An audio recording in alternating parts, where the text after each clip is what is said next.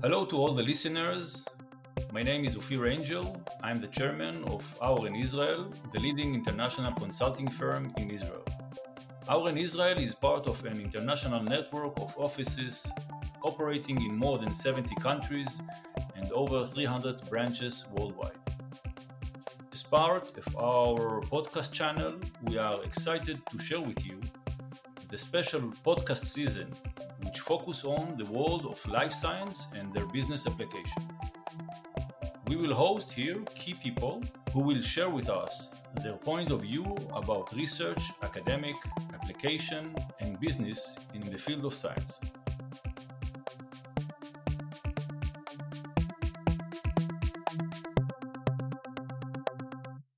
We are happy to continue our conversation with Dr. Choppe regarding the convergence between life science and high tech and how it's becoming Israel's next growth engine.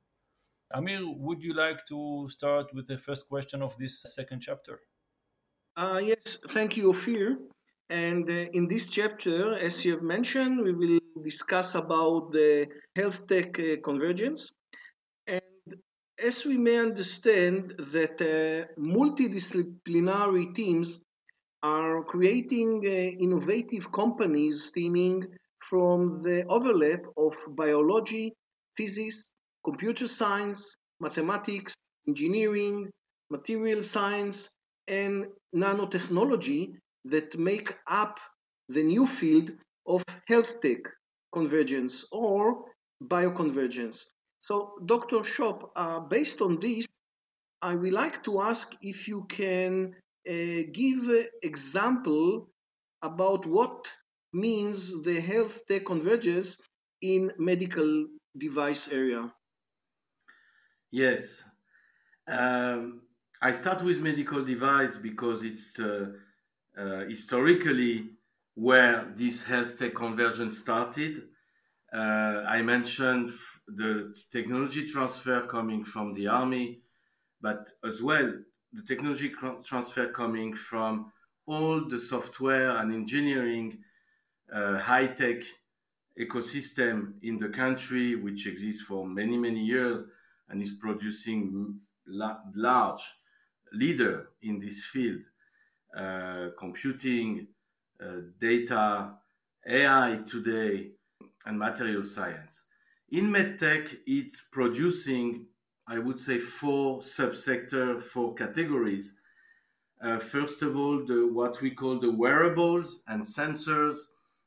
Uh, there are many, many companies working on sports wearables that could be called uh, uh, wellness, but as well measurement of many medical parameters that are very important for people aging.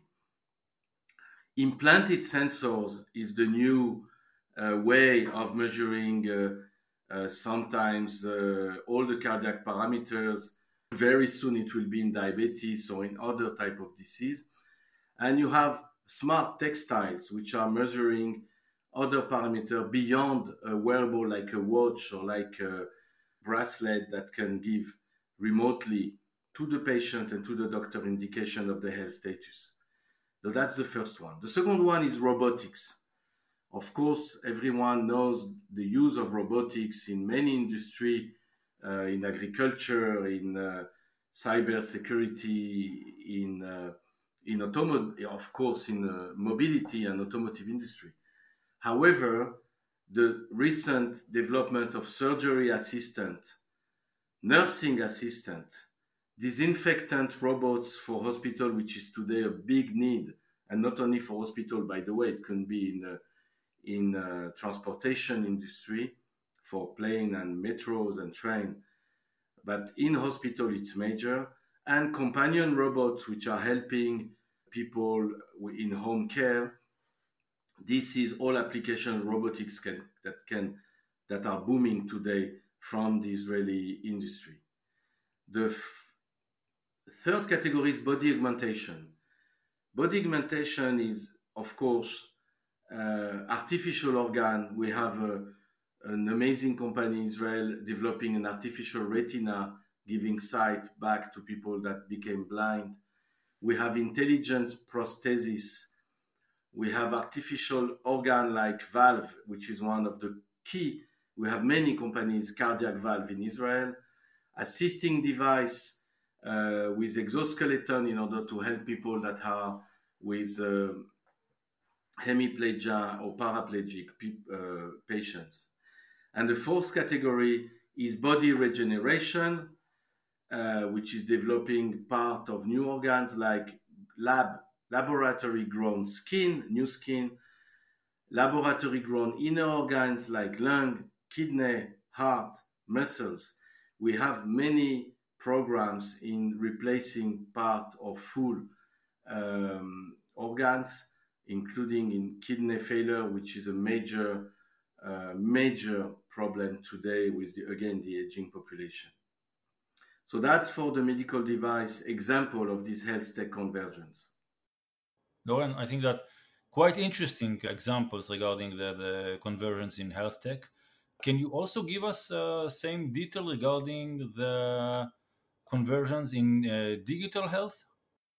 So the difference with a medical device is that digital health is not mainly focusing on the hardware, on the device, on something that you can have in your hand or big machine that are in clinic and hospital. Here, it's all digital, meaning software based to be simple.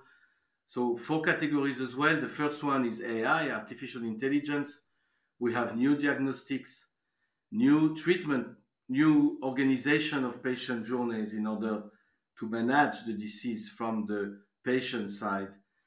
We have treatment and prevention plan and as well natural language processing, which is helping treating some specific disease.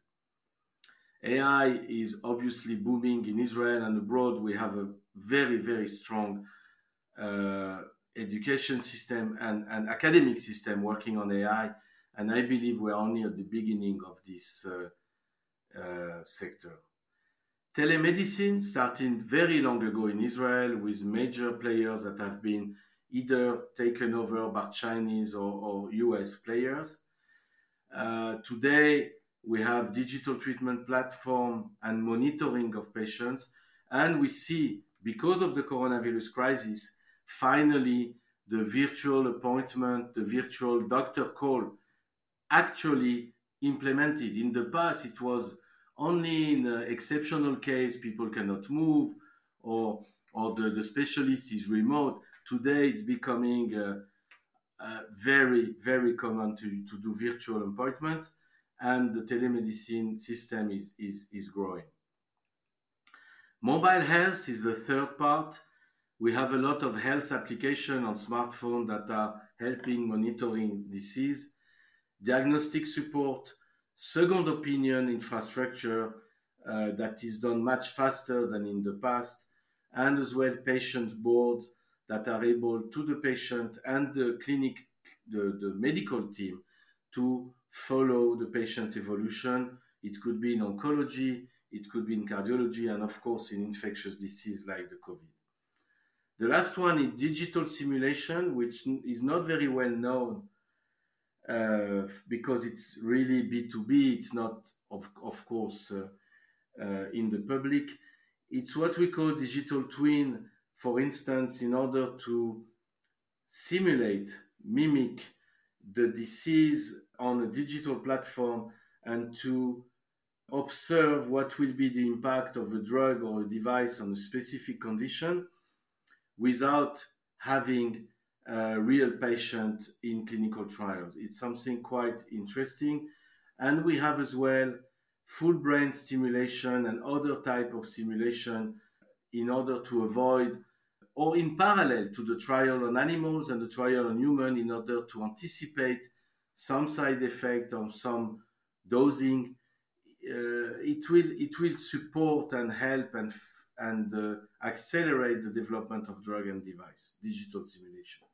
It sounds unbelievable, and I just wonder.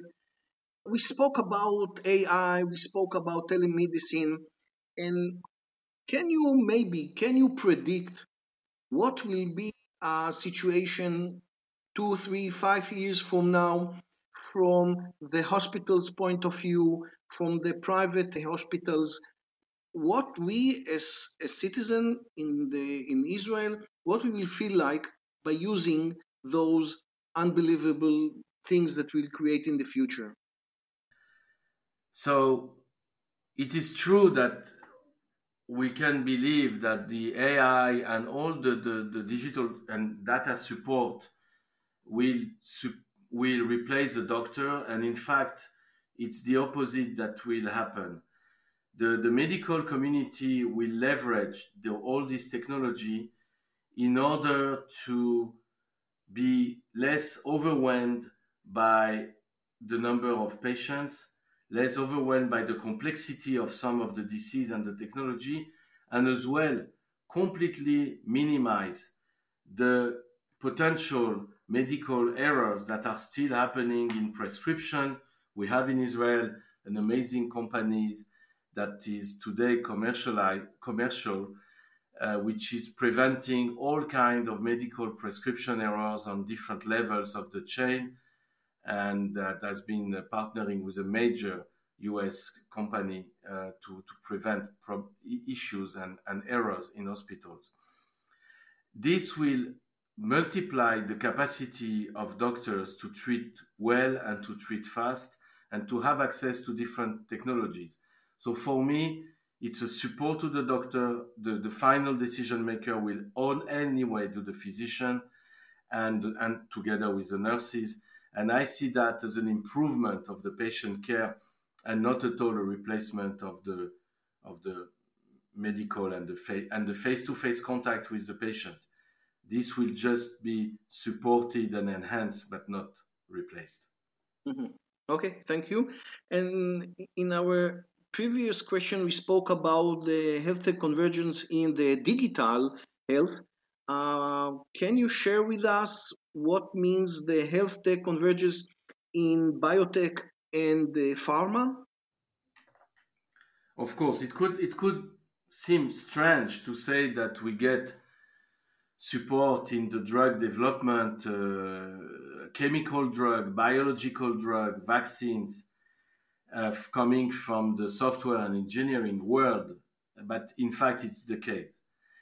First of all, the big data analytics uh, that have been growing in the last year is the basis for AI application, increase of accuracy of medical record of distributed ledgers.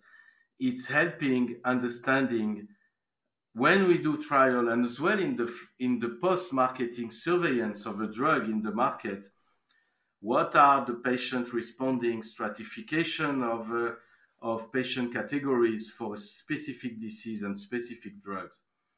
All this big data is helping to go more and more toward toward personalized medicine meaning having one specific treatment for one specific patient for one specific type of disease. This is the holy grail of all doctor, all physician, to do a very personalized and customized treatment. The second category that is held by the health tech convergence is genomics and gene therapy. Everyone heard the genomic, the gene editing and the way drug can be developed to help fixing some gene gen, uh, from genetic disease. We have today and those diseases were usually very uh, not very much tackled by the pharmaceutical industry because it's related to only a few num- a small number of patients. Here with the genomic developed today this industry is just booming and going faster and cheaper in analyzing the genome of a specific individual and finding solutions in order to treat to treat them. And this is helped by the huge capacity of today the today's computer systems. The third category is cell therapy. Of course, stem cell companies in Israel is a quite very, very active um, group of companies.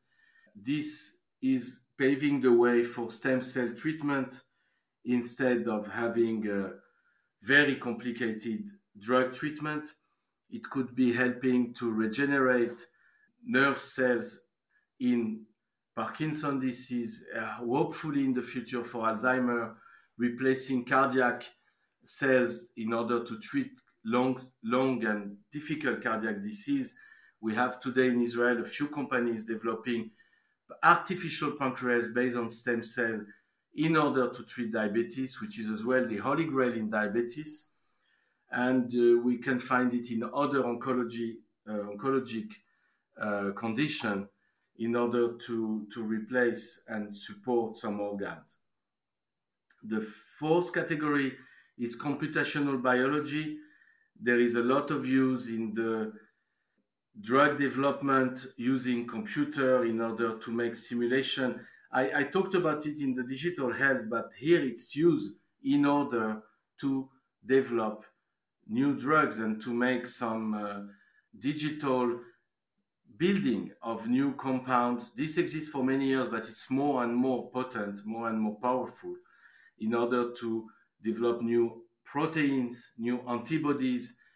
Uh, we, we, we call it proteomics and, uh, and biologic drug in development and as well in vaccines. Today, some of the vaccines are coming from this uh, very specific uh, type of development. And finally, I would say that the health tech convergence in biotech is to produce new type of treatment that will be individualized and personalized. That that's that's the the the, the aim of all this uh, technology put together. Laurent, indeed, it's shown that you have quite a deep uh, understanding of the sector and a very detailed explanation that you gave us here, giving us, I think, a good picture. Let me let me take you back to the investment point of view. Can you give us, uh, let's say, Cukierman Group direction regarding the investment that you are looking for, that you are investing in in the recent uh, months? Um, we have a private equity fund called Catalyst, which has in each of his uh, uh, fund for the last 20 years invested in life science. Uh, Catalyst is not uh, focusing only on life science. They have been as well investing in uh, in major tech company and was, for instance, the only one, uh, the only venture fund investing in Mobileye that was sold for 15 billion dollar to Intel a few years ago. Um, we we are today uh, raising our new fund and, and of course, we will focus uh, on, in the health tech convergence.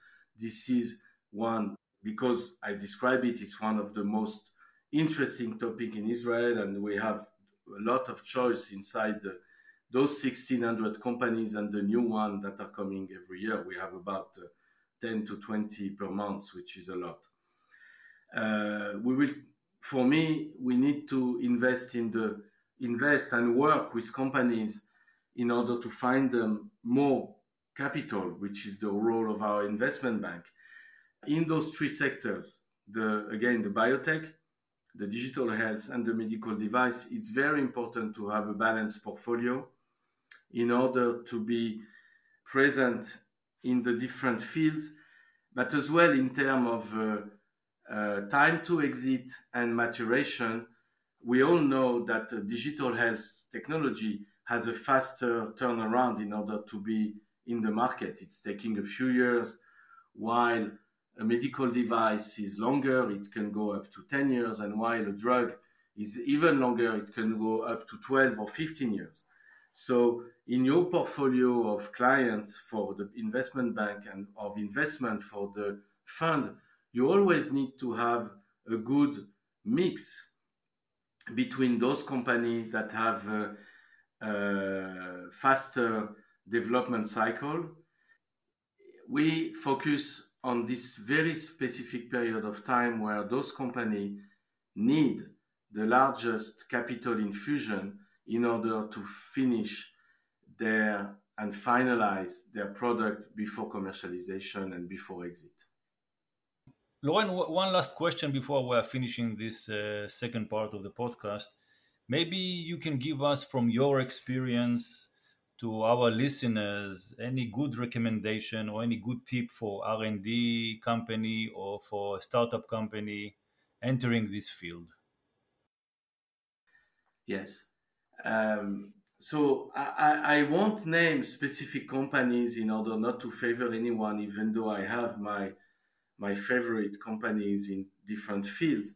However, if uh, an individual investor wants to invest either in the Tel Aviv Stock Exchange or the Nasdaq, or even today in the Sydney Stock Exchange and Singapore, where a few Israeli companies have been traded, I would decide to follow a field which is close to me because to me i mean to the investor because they will understand more what's going on. We always have family history in certain disease and i consider it's always the good way to enter into investing in the medical field. Following the general trend on vaccines like the covid vaccine companies have been booming but you are just following the, the, the, the crowd. Investing in companies that you have some experience personally for me is the best advice to start. I would say that in israel you have a lot of private investment opportunities as well uh, through crowdfunding or through private round of course sometimes uh, you need bigger ticket in order to be present i would always follow the due diligence advice that have been done by specialized group like us because this is key in understanding the risk. You have risk everywhere. This industry, we all know that uh, you have the the, high, the rate of, uh, of, of success is very small in the pharma, a little bit higher in medical device, and much higher in digital health for obvious reasons. But the return is related to the level of risk. So high risk is always high return when there is a success. And I will advise to hybrid the portfolio if you need want to invest in different companies again be, between those three sectors that have cycle and dynamics that are very different and it's helping to have a very balanced portfolio even as an individual if you have three lines take one in each for me it's the best way to to be present in this very vivid industry excellent i think that uh, you enriched us with quite a lot of uh, knowledge and information. Uh, especially, it was interesting to see to see uh, the point of view from the investment and the investors. So, uh, Dr. Laurent Choppe, thank you very much for for joining us. Thanks, thanks, Sophia. Thanks to the whole team of Auren. It was a pleasure for me to give you part of my experience and uh, small knowledge, but after 35 years in this industry, I, I try to do my best and be available if you have any question. Excellent, excellent. Thank you very much. So, dear listeners, we will be happy if you will join us for the future podcasts on life science and technology and uh, business activity. Uh, we will be happy again, as usual, to receive any good ideas or recommendation from you for the areas that are interesting for you.